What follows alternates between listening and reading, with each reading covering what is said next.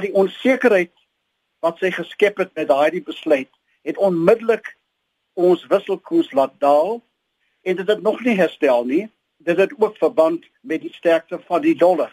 So alhoewel die besluit van die openbare beskermer nou is 'n oorwinning vir die Reservebank en ook vir die grondwet.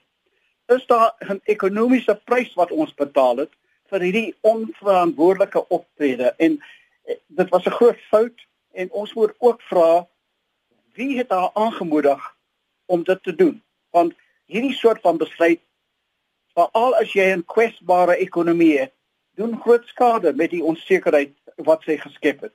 En uh, daar is verder onsekerhede wat sy nou ontketen het as gevolg van daardie besluit. Julle het vandag julle beleidsonsekerheidsindeks bekend gestel. Word die gevolge van Mqobane se aanvanklike verslag hierin weerspieël? Ja, wel kyk, daardie indeks is vir die tweede kwartaal van die jaar. So dit is daardie tyd wanneer sy daardie besluit geneem het.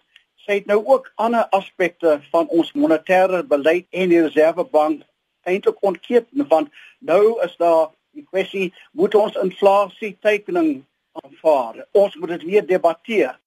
Ek dink haar besluit het ook die ANC beleidskonferensie aangemoedig om nou weer te praat oor die nasionalisering van die Reservebank.